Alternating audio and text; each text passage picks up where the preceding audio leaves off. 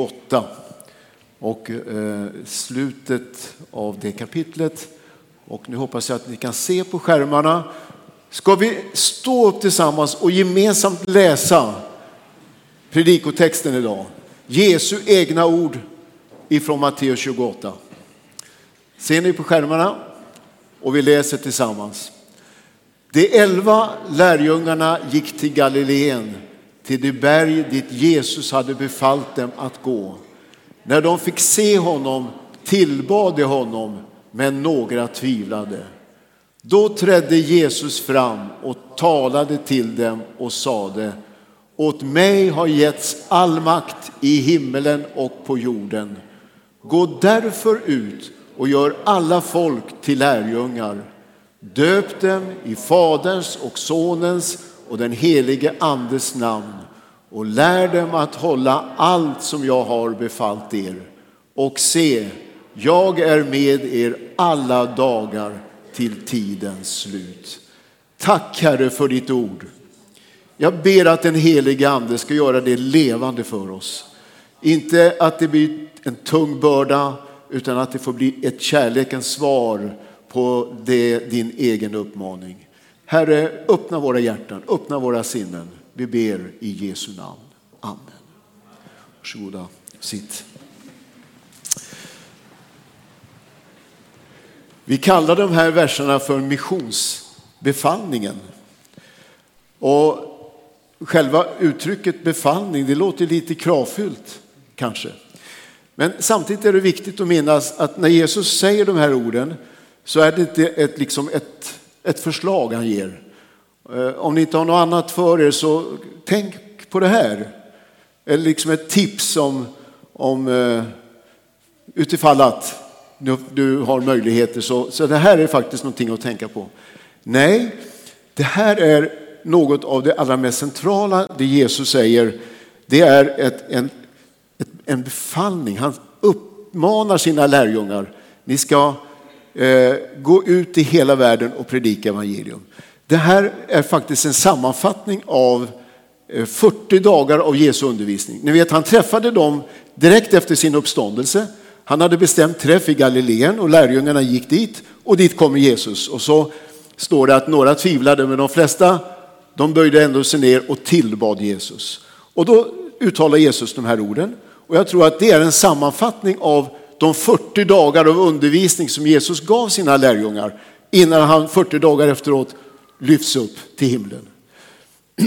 Om du läser motsvarande ställe i Markus evangelium så verkar det som att det allra sista Jesus säger innan han far till himlen så är det just de här orden.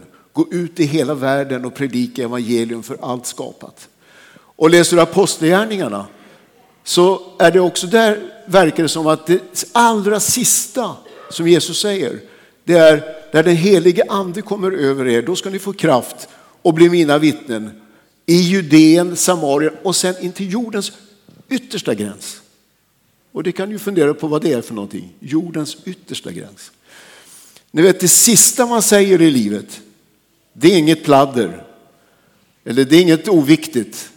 Utan det är det allra viktigaste, essensen av det man vill uttrycka. Ett testament, ett andligt testament. Och det är det Jesus ger. Han säger till sina lärjungar, tänk på detta, det är det här nu som är er uppgift. Ert fokus måste ligga på att nå ut med evangelium till hela världen.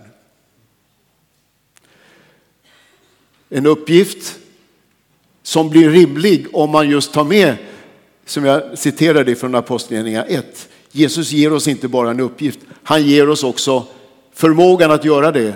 När den helige ande kommer över er ska ni få kraft och bli mina vittnen.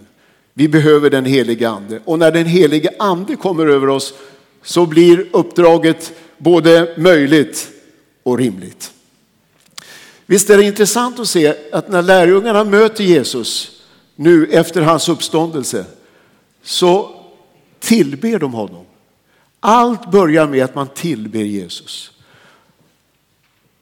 De hade varit med Jesus under drygt tre år, vandrat med honom, hört honom predika. De hade sett bekräftelse på hans predikan genom alla de under som skedde kring Jesus. De hade varit med när Jesus fångas, misshandlas, dör på ett kors i Jerusalem. De hade också hört de umtumlande uppgifterna om att Jesus levde. Ja, de hade ju mött honom i Jerusalem levande. Och nu ser de honom där i Galileen och det är helt naturligt. De faller ner och tillber honom. Han var ju Gud, Guds egen son och man tillber honom. Noteringen är också intressant, eller hur? Några tvivlade. Det där visar ju att Bibeln är en äkta bok som inte skönmålar någonting utan det fanns de som tvivlade mitt i detta fantastiska möte med Jesus. Men man tillber honom. Mission, som vi ska tala om idag, det börjar med tillbedjan till Jesus. Att tillbe honom, att beundra honom. Kallelsen att tjäna honom börjar med en ödmjuk tillbedjan. Att vi erkänner honom som Herre och att han får kalla oss in och föra oss in i en uppgift. Mission, det är en naturlig fortsättning av vår tillbedjan till honom. Mission föds i hjärtat. Det föds i en kärlek. Och det är därför man talar om befallning. Det låter ju som jag sa lite kravfyllt. Men när mission blir ett uttryck av kärlek ifrån hjärtat, då blir det annorlunda. Då blir befallningen någonting jag älskar att göra därför att jag tillber Jesus. I vår tillbedjan, vår tillbedjan är svaret på vår kärlek till Jesus och till vår nästa. Vi har ett ansvar också för vår nästa. Så i vår tillbedjan så upptäcker vi att Jesus har makt, en obegränsad makt. Nästa. Så Jesus, precis som Allan hade sagt, har sagt så hade Jesus stämt träff med lärjungarna uppe på berget. De hade ju varit tillsammans i tre år och lärjungarna hade sett hur Jesus hade bemött människor som kom till honom med olika behov. De, vi, så, vi läser om en mamma som fick tillbaka sin son, en, två föräldrar som får tillbaka sin dotter. En kananeisk kvinna vars dotter är ansatt av demoner blir, fri, blir släppt fri, befriad av Jesus. De hade fått se tecken och under, många tecken och under. Men inte bara det. I ensamheten med Jesus så hade de också fått lära känna Jesus på ett djupt sätt. De hade fått höra hur han talade och förklarade liknelserna som han hade sagt till folket. Men där i ensamheten med, Jesus så förklarade han dem. De hade lärt sig att be, att be genom att Jesus visade dem hur man skulle be. De hade varit med honom när soldaterna fångade honom i Getsemane örtegård. Men de hade också fått vara med när Jesus uppstod på tredje dagen. Och nu alltså så möter de Jesus här på, på berget och precis som Allen har, har läst så står det att, att eh, när de fick se honom tillbad honom, men några tvivlade. Hur är det möjligt att efter att ha varit tillsammans med honom under tre år att tvivla på honom? Men det är ju det, Bibeln är sann. Det får plats med både tvivlare och de som har stark tro. Och jag tror att du som sitter här idag, du har säkert också haft stunder när du tvivlar. Men Jesus han säger ingenting åt dem, utan han tar emot dem. Och eh, jag tror att det här när Jesus säger att åt mig har getts all makt, all auktoritet. Det är grunden för missionen. För att modet och järvheten att gå dit man aldrig gått, att gå till folk man aldrig mött innan för att göra Jesu lärjungar, då behöver man en grund att stå på. För man går inte i sin egen kraft. Jesus sa inte till lärjungarna, gå i din kraft, utan han, innan han gav dem uppdraget, så sa han åt mig har getts all makt och auktoritet. Gå därför ut. Och eh, det är så otroligt viktigt att när vi går att vi vet att vi representerar Gud. Vi representerar Herren. Och eh, det här är avgörande för all mission. För att innan Jesus, som jag sa, gav dem missionsbefallningen så sa han och ville att de först skulle förstå att han har all makt. Han sänder dem inte ut ensamma. De går inte i sitt eget namn eller i sin egen kraft, utan de går i hans auktoritet och makt. Och eh, därför att Jesus har all makt så kan du och jag göra det här svåra. Att gå till de människor som aldrig har hört evangelium om Jesus. På grund av att Jesus har all makt och auktoritet och att vi går i hans namn så kan vi gå till vår granne och berätta att Jesus älskar dem. Och eh, det är så viktigt för dig, att mig, dig och mig att veta att, att det är Jesus, när han sänder sina lärjungar, när han sänder dig så sänder han dig och att han går med dig. Han, i, din, I hans makt går du. I hans auktoritet går du. Och eh, nästa som han säger, gå för den skull ut. Vi älskar ju att läsa om när Jesus säger kom till mig. Kom till mig alla ni som arbetar. Kom till mig. Det där är ju underbart att få komma till honom.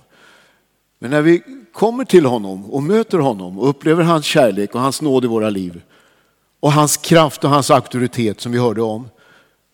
Då säger han, gå, gå ut. En mission, att älska Jesus, det är en rörelse ut mot andra människor. Det är att korsa gränser. Det finns många gränser att korsa. Jag vet inte hur det är med dig, men för många av oss är det lite, det är lite speciellt det där att röra sig över gränser. Komma ur sin comfort zone, som man brukar säga. Eh, det kan vara lite obehagligt och lite spännande. Jag mötte en ung man precis innan gudstjänsten började. Och vi pratade lite grann om mission och Afrika och han sa, jag tycker, jag tycker det låter spännande. Ja, så är det. Men ibland så är det lite skrämmande också. Korsa gränser, språkgränser. Ni som är unga, plugga språk. Det är bland det bästa man kan ha med sig i livet. Jag ångrar ju att inte jag läste mer språk och rätt språk. Jag läste ju massa tyska. Jag vet inte varför. Skulle jag läst spanska istället. Eh, läs språk. Att korsa språkgränser, att nå ut. Eh, I Apostlagärningarna 1, i, när pingsten kommer, så står det att de hörde språk från hela världen. Alla hörde de på sitt eget språk höra evangelium. Generationsgränser. Alla generationer, alla behöver höra evangelium. Kulturgränser. Här skulle vi kunna prata mycket. Sociala gränser. Och också geografiska gränser. Jesus sänder oss ut. Visst är det spännande? Spännande att gå över en gräns och möta nya utmaningar. Alla folk talar Jesus om här. Gör alla folk till lärjungar. I Markus i motsvarande eh, parallella stället så står det gå ut i hela världen. Och som jag nyss citerade från Apostlagärningarna 1, gå till jordens yttersta gräns. Vad är jordens yttersta gräns? Ja, det finns ju ingen, man, man kommer ju liksom runt va? Eller hur? Och så är det, det finns aldrig något stopp, vi är aldrig klara med Jesu missionsbefallning. Utan vi fortsätter till hela världen är nådd med evangelium. Alla folk, Patrik kommer att visa lite mer, men vet du hur många folkgrupper det finns? Många olika folk det finns? Cirka 17 000 eller 16 700. Och av dem så är det 6 900 folkgrupper, en del större, en del mindre, som vi kallar för onådda med evangelium. De har inte hört om Jesus. Alltså, det finns människor på vår värld, i vår värld som inte vet att det finns förlåtelse och frälsning, att det finns en Gud som älskar. Så kan det ju inte vara. Men det är utmaningen för oss, alla folk. 2,9 miljarder ungefär har ännu inte hört om Jesus. Vi hör om honom varje vecka flera gånger. Vi läser om honom varje dag i vår bibel. Vi hör det på tv, vi radio. En del hör aldrig namnet Jesus. Det fanns en pastor i Kanada som myntade uttrycket varför ska en del höra evangelium många gånger för när en del aldrig hört det någon gång. Det är tänkvärt. Många muslimska, buddhistiska, hinduiska länder, där finns det folkgrupper som aldrig har hört om Jesus. Paulus säger i Filipperbrevet, var så till sinnes som Jesus Kristus var. Han var till i Guds, Guds skepnad, men han klädde av sig sin gudomlighet och blev en människa. Alltså, det är väl den gräns som är svårast att korsa, eller hur? Att gå ifrån himmelens härlighet och bli födas till ett litet barn i Betlehem. Det gjorde Jesus. Han korsade alla gränser man kan korsa. Han blev en människa. Och under sin vandring i, i, i, nere i Israel så står det ibland att Jesus måste ta vägen. Ja, det var ju inte så att han, någon tvingade honom, men han måste ta vägen. Han var en människa han behövde möta som behövde honom. Korsa gränser. Och vi behöver den heliga andes utrustning. Vi behöver den heliga andes kraft i våra liv. När den heliga ande kommer över er, då ska ni få kraft. Lärjungarna var samlade i den övre salen. Dörren var stängd, låst och man var rädd.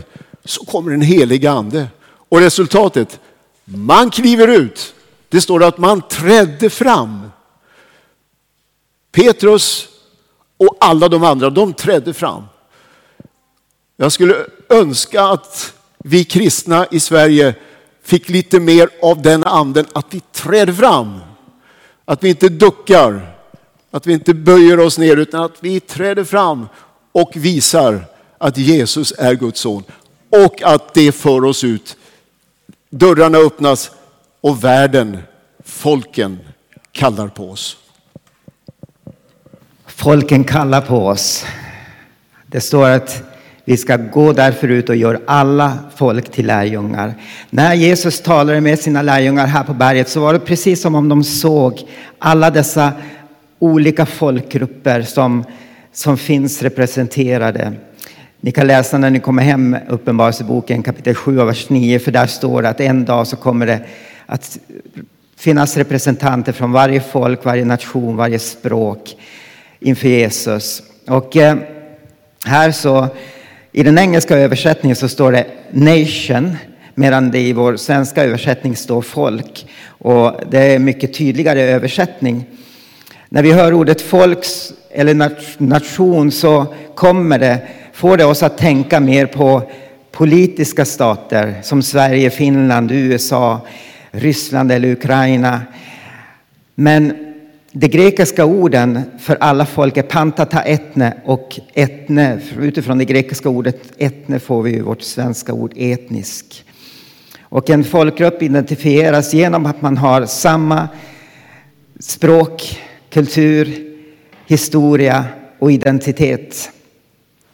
Och nästa. Så precis som Allan precis har sagt så finns det ungefär 17 000 folkgrupper och av dem så är 7 000 onådda. Och eh, med onådd menar man då att det är mindre än 2 procent kristna bland den folkgruppen. Där jag arbetar på IBRA så brukar vi kalla, ha ett uttryck som heter Frontier People, så det finns inget svenskt namn för det ännu. Men de här folkgrupperna har 0,1 procent eller mindre kristna i sin folkgrupp. Och eh, det är ungefär 5 000 av de här 7 000 som är Frontier Peoples.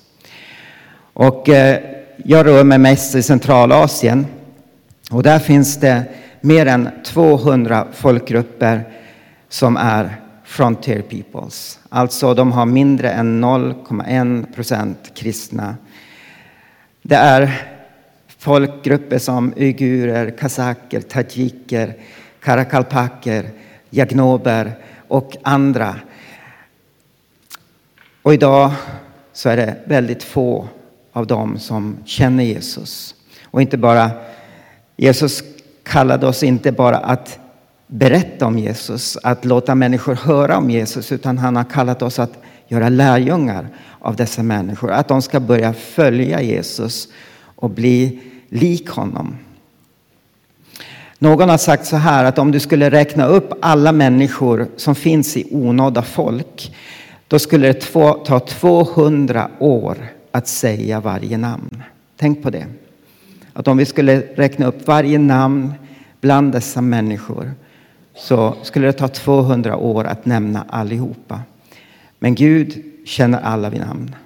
Gud vet, han känner dem redan när de var i, i sin moders sköte. Jesus har kallat dig och mig att inte bara berätta för dessa människor om vem Jesus är, utan han har kallat oss att göra lärjungar, att gå till dem, att vara med dem, att säga precis som Paulus sa, följ mig som jag följer Kristus. Någon har sagt så här att lärjungaskap formas mer i personlig relation än via talarstolen. Lärjungaskap formas mer i personlig relation än via talarstolen. När du och jag tar ett beslut av att följa Jesus så lär vi oss inte endast saker om honom utan vi vill bli honom lika. Vi vill bli som han. Vi växer i vår tro och förståelse av Guds ord. Men det slutar inte med oss, utan vi är kallade att nå andra och lära dem vad vi har lärt oss. Och det handlar inte bara om att dela en kunskap vi känner till om Jesus, utan det handlar om att investera i andra människors liv. Precis som Jesus, när han gjorde lärjungar, spenderade han tid med, med de tolv lärjungarna. Han spenderade dag och natt med dem. Och du, du och jag är, de här trendiga orden, coach och mentor, vi, väl, vi hjälper människor att växa i sin relation med Jesus. Vi ska vara exempel på vad det betyder att känna Jesus. Och för att göra lärjungar så behöver man inte vara pastor eller missionär. Alla har vi människor i vår närhet som vi kan leda till Kristus och säga kom följ mig som jag följer Kristus. Så vi lever ut som Jesu efterföljare här hemma bland vår familj och våra vänner. Sedan kanske Gud kallar oss att lämna vår kultur, vårt land för att gå till ett annat folk. Men det börjar alltid här. Det börjar inte när du lämnar en, din gräns, utan det börjar här. Så att vi är kallade att gå till varje folkgrupp och genom våra ord och liv leda människor till att börja följa Jesus. Och sen handlar det om att bygga församlingar. Jesus sa döp dem i Faderns och Sonens och den helige Andes namn. Lär dem att hålla allt som jag har befallt er. Guds metod är församlingen. Guds strategi är församlingen. Man frågar ibland vad har, vad har ni för strategi, missionsstrategi? Ja, vi har samma strategi som Jesus hade, församlingen att, att plantera lokala församlingar. Det är på det sättet Guds rike breder ut sig. Att döpas till Kristus, det är också att döpas in i en lokal församling. Det är därför vi har en dopbassäng, dopgrav centralt i vår kyrka. Och det finns i många kyrkor därför att det är här när vi döps till Kristus så döps vi också in i hans kropp, hans församling i en lokal församling. Så dopet är en integrerad del av vårt uppdrag. Att vara med och föra människor till tro, till dop och att fogas in i Kristi kropp som är församlingen. Och att där i församlingens miljö kunna lära sig, lära den undervisning som Gud har gett i sitt ord. Att lära, att tränas, precis som vi hörde här, genom vårt eget exempel och varandras exempel, att föra varandra vidare tillsammans i vår tro. Och att det finns en gemenskap där vi kan vårdas. För vi, be vi behöver det. Nu och då, speciellt, så behöver vi vård och hjälp och stöd av varandra. Och det får vi i lokala bibliska församlingar. Paulus tog det här uppdraget på stort allvar. Paulus är den stora missionären, han är exemplet på en missionär. Eh, och eh, eh, han, när vi läser hans resor och hur han gjorde så ser vi han överallt dit han kom så blev människor kom till tro, de döptes och så grundades församlingar. Och sen höll han kontakt med de där församlingarna. Han skrev brev, han besökte, han bad för dem. Läs eh, hans brev i Nya Testamentet ska du se den omsorg som Paulus kände. Och så skrev han en massa brev för att uppmuntra. Och det är så vi får göra idag också. Det, det, är precis så vi har tänkt i vår församling när vi bedriver mission. Vi vill vara med och stötta lokala församlingar i de missionsländer som Gud har öppnat för oss. Och så håller vi kontakten. När de blir livskraftiga och stora så säger vi inte God bless, see you in heaven. Utan vi, vi fortsätter hålla kontakt. I, I fredag så skrev vi ett brev, ett viktigt brev till ett, en av våra partners nere i Uganda.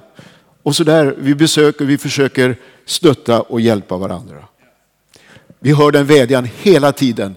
Överge oss inte. Var är ni någonstans?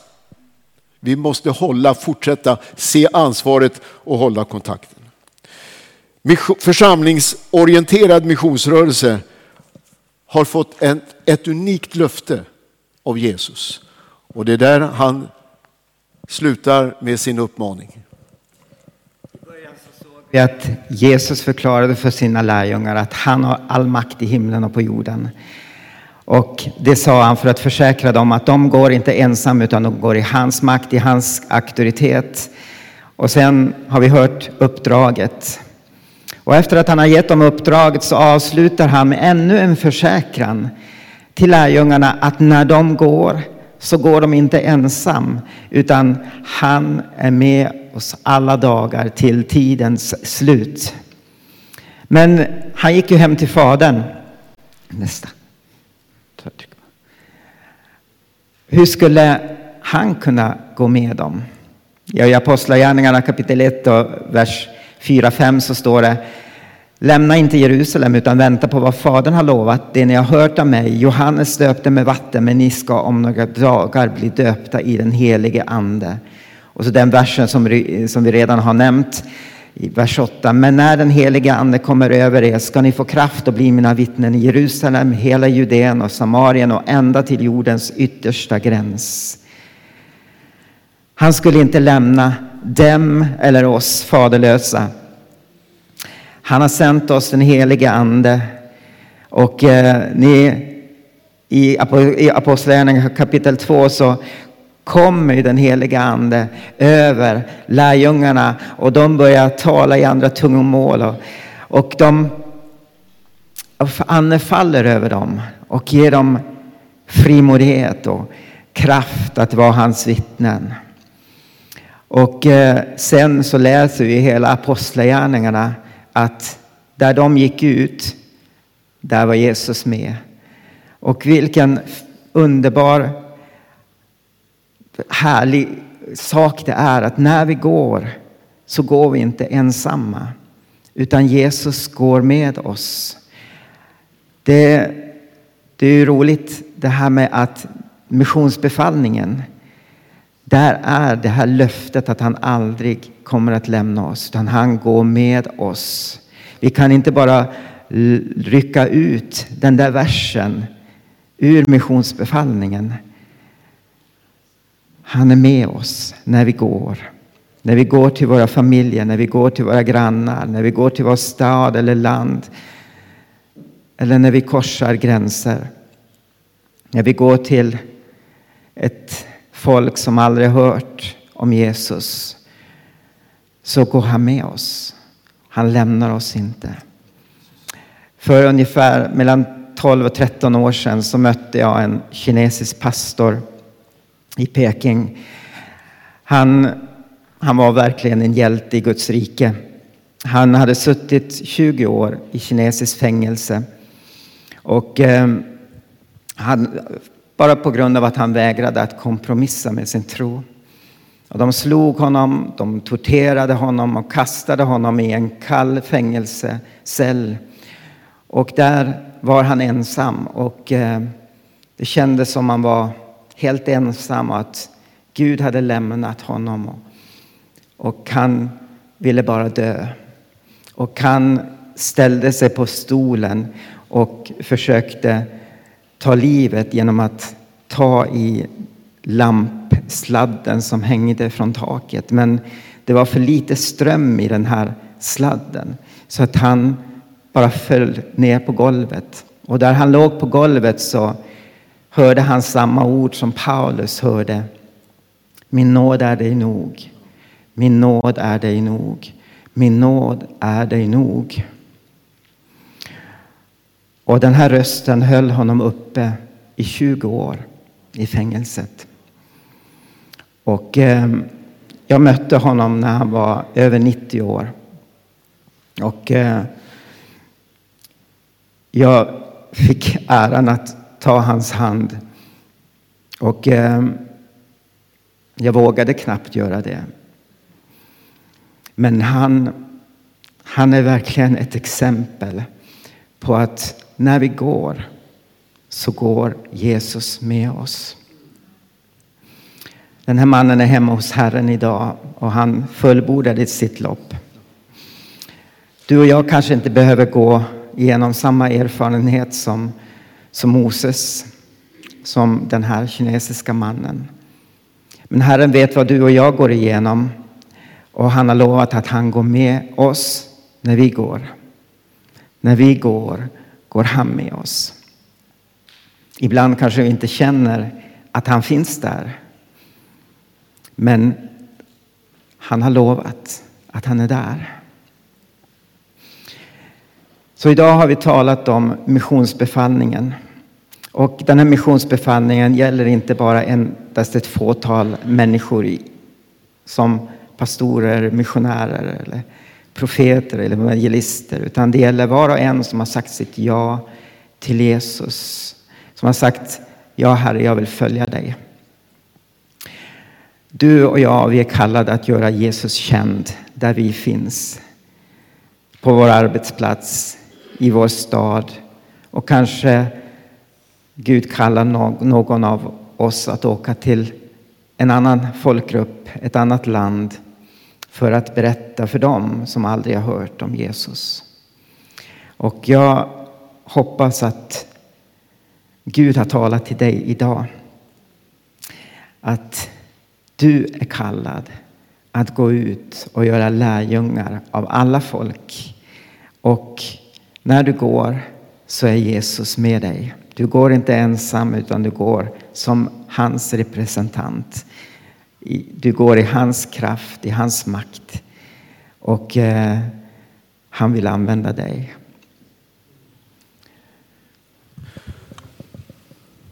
Ska vi be tillsammans? Patrik, du ber med oss. Herre, vi tackar dig för,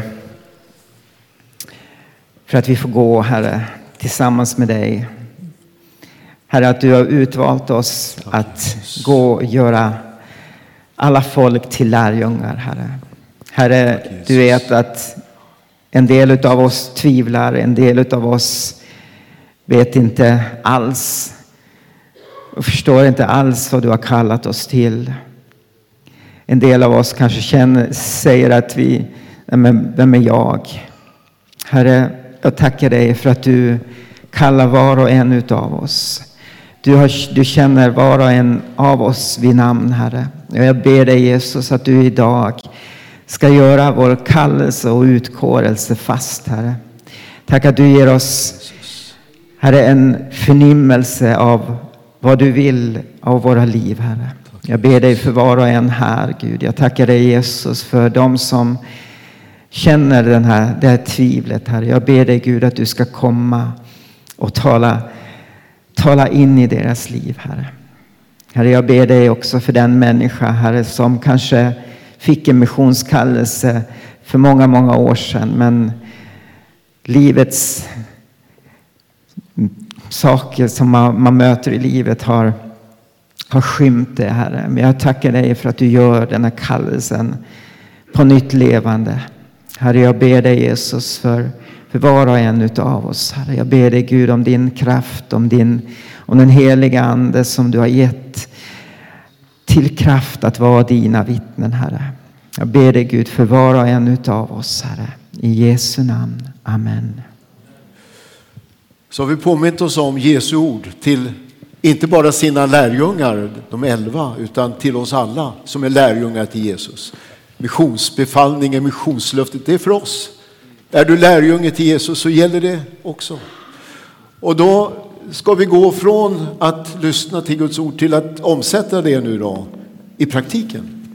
Vi ska ju inte bara vara sådana som lyssnar och sen glömmer bort, utan vi ska ju lyssna och göra, eller hur? Vara ordets hörare och görare. Och då kommer vi till den stora utmaningen den här söndagen.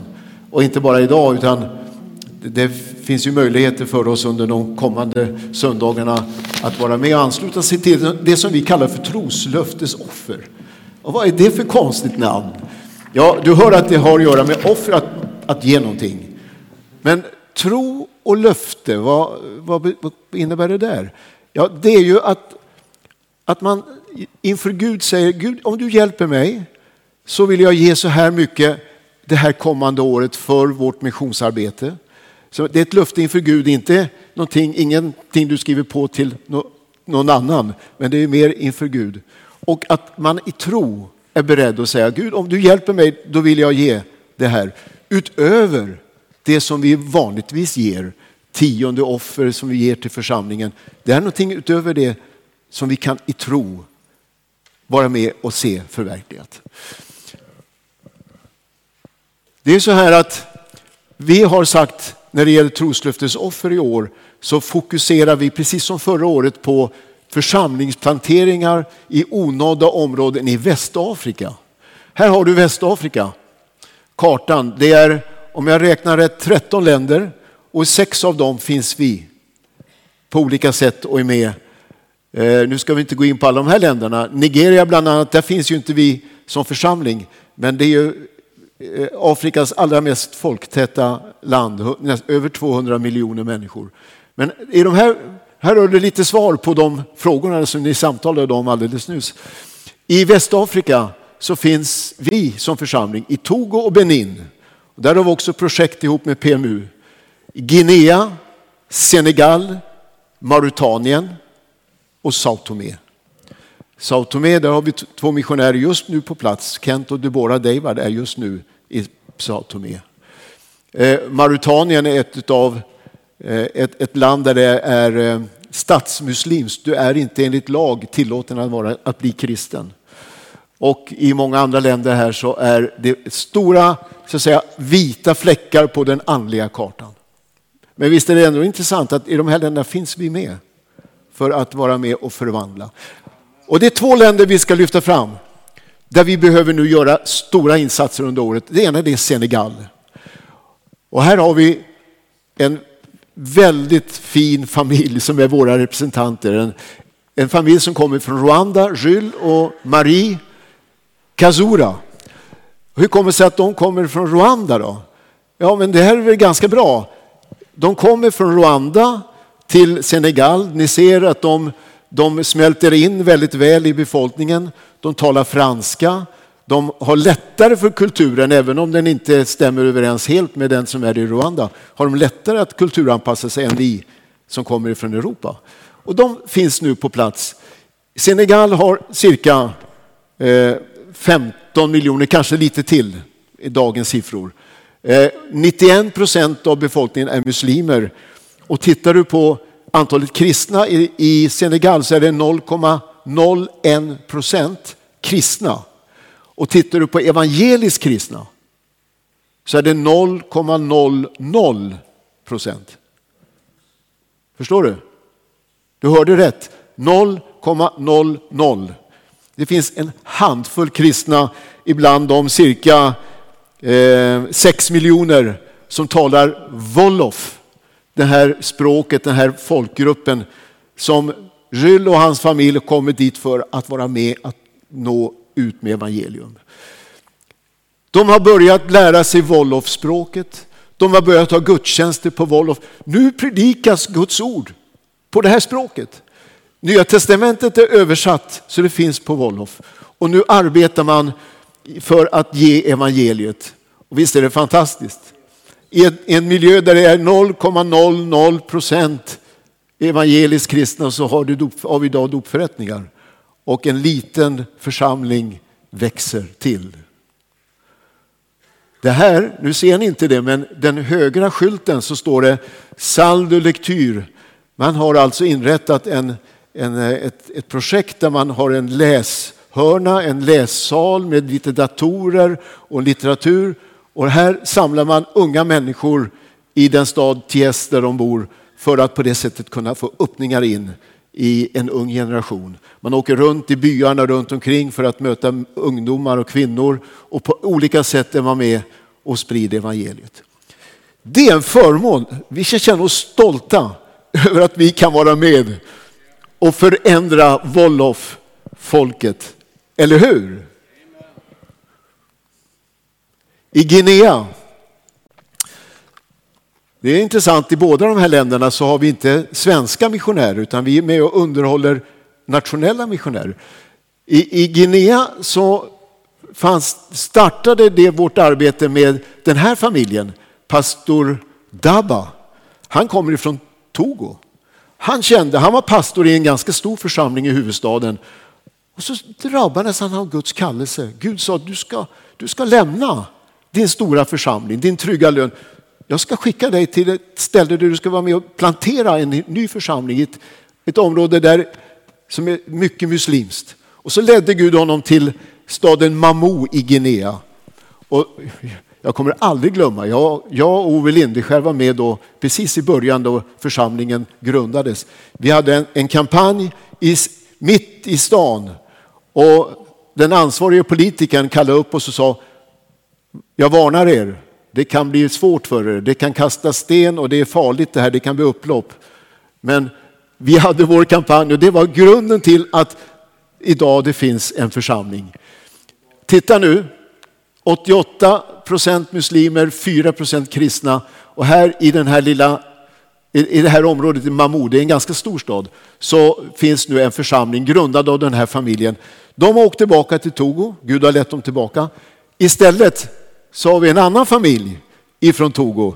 Han heter pastor Pepko. Det är lätt att komma ihåg. Abudu, Abudu. Det ska du be för. Pepko Abudu, det är hans familj. Och han har tagit upp det här arbetet och är med och sprider evangelium. Grundar, utifrån Mamou så grundar man nya församlingar lite runt om. Eh, jag hade ett meddelande från honom häromdagen när han talar om han, behöver ju, han, han rör sig runt om, han behöver hjälp med, med att ha någonting att åka på. Och när vi var där 2012 var det väl, och det här arbetet började, så vet jag att pastor Daba, han tog oss ut i ett område, ett gräsbevett område, så sa han, här ska vi bygga en skola. Och jag tänkte för mig själv, Gud förlåter mig, jag tänkte för mig själv, ja, ja, ja, ta det lite lugnt nu. Du har ju ingenting, du har inget, ingenting här. Ska du bygga en skola? Och jag tror jag sa till Ove också när vi gick där. Han har verkligen visioner den här Du, nu bygger de till den skola som han, Dabba, byggde. Nu bygger de till den för att eh, få plats med alla barn och ungdomar som vill gå där. Och eh, visst är det härligt att se hur man kan nå fram till en ung generation. Och här får vi vara med och sträcka ut vår hand också till Guinea. Det är de här två områdena som vi tänker på nu. I år, eller förlåt, 2023, förra året, så samlade vi in i troslöfter cirka 88 000 kronor. Vi skulle behöva komma över 100 000 för att vi skulle kunna möta behoven. Nu är det så här, du har fått en lapp i din hand med en utmaning. Ta med den hem, för här står det lite information. Men längst ner så ser du det står jag ber att Gud ska hjälpa mig att ge som troslöftesoffer under 2024 till arbete bland onådda i Västafrika. Och så kan du alldeles strax bedja, fråga Gud och inför honom och i ditt hjärta bestämma någonting. Och vi är väldigt tacksamma om du kan skriva ner det som jag nu kommer att göra. Och så viker du till och så river du ut det där. Och när vi om en liten stund tar upp en kollekt och boxarna går förbi, då viker du ihop det där och lägger. Du skriver inget namn på ingenting, men du, du lägger ner den.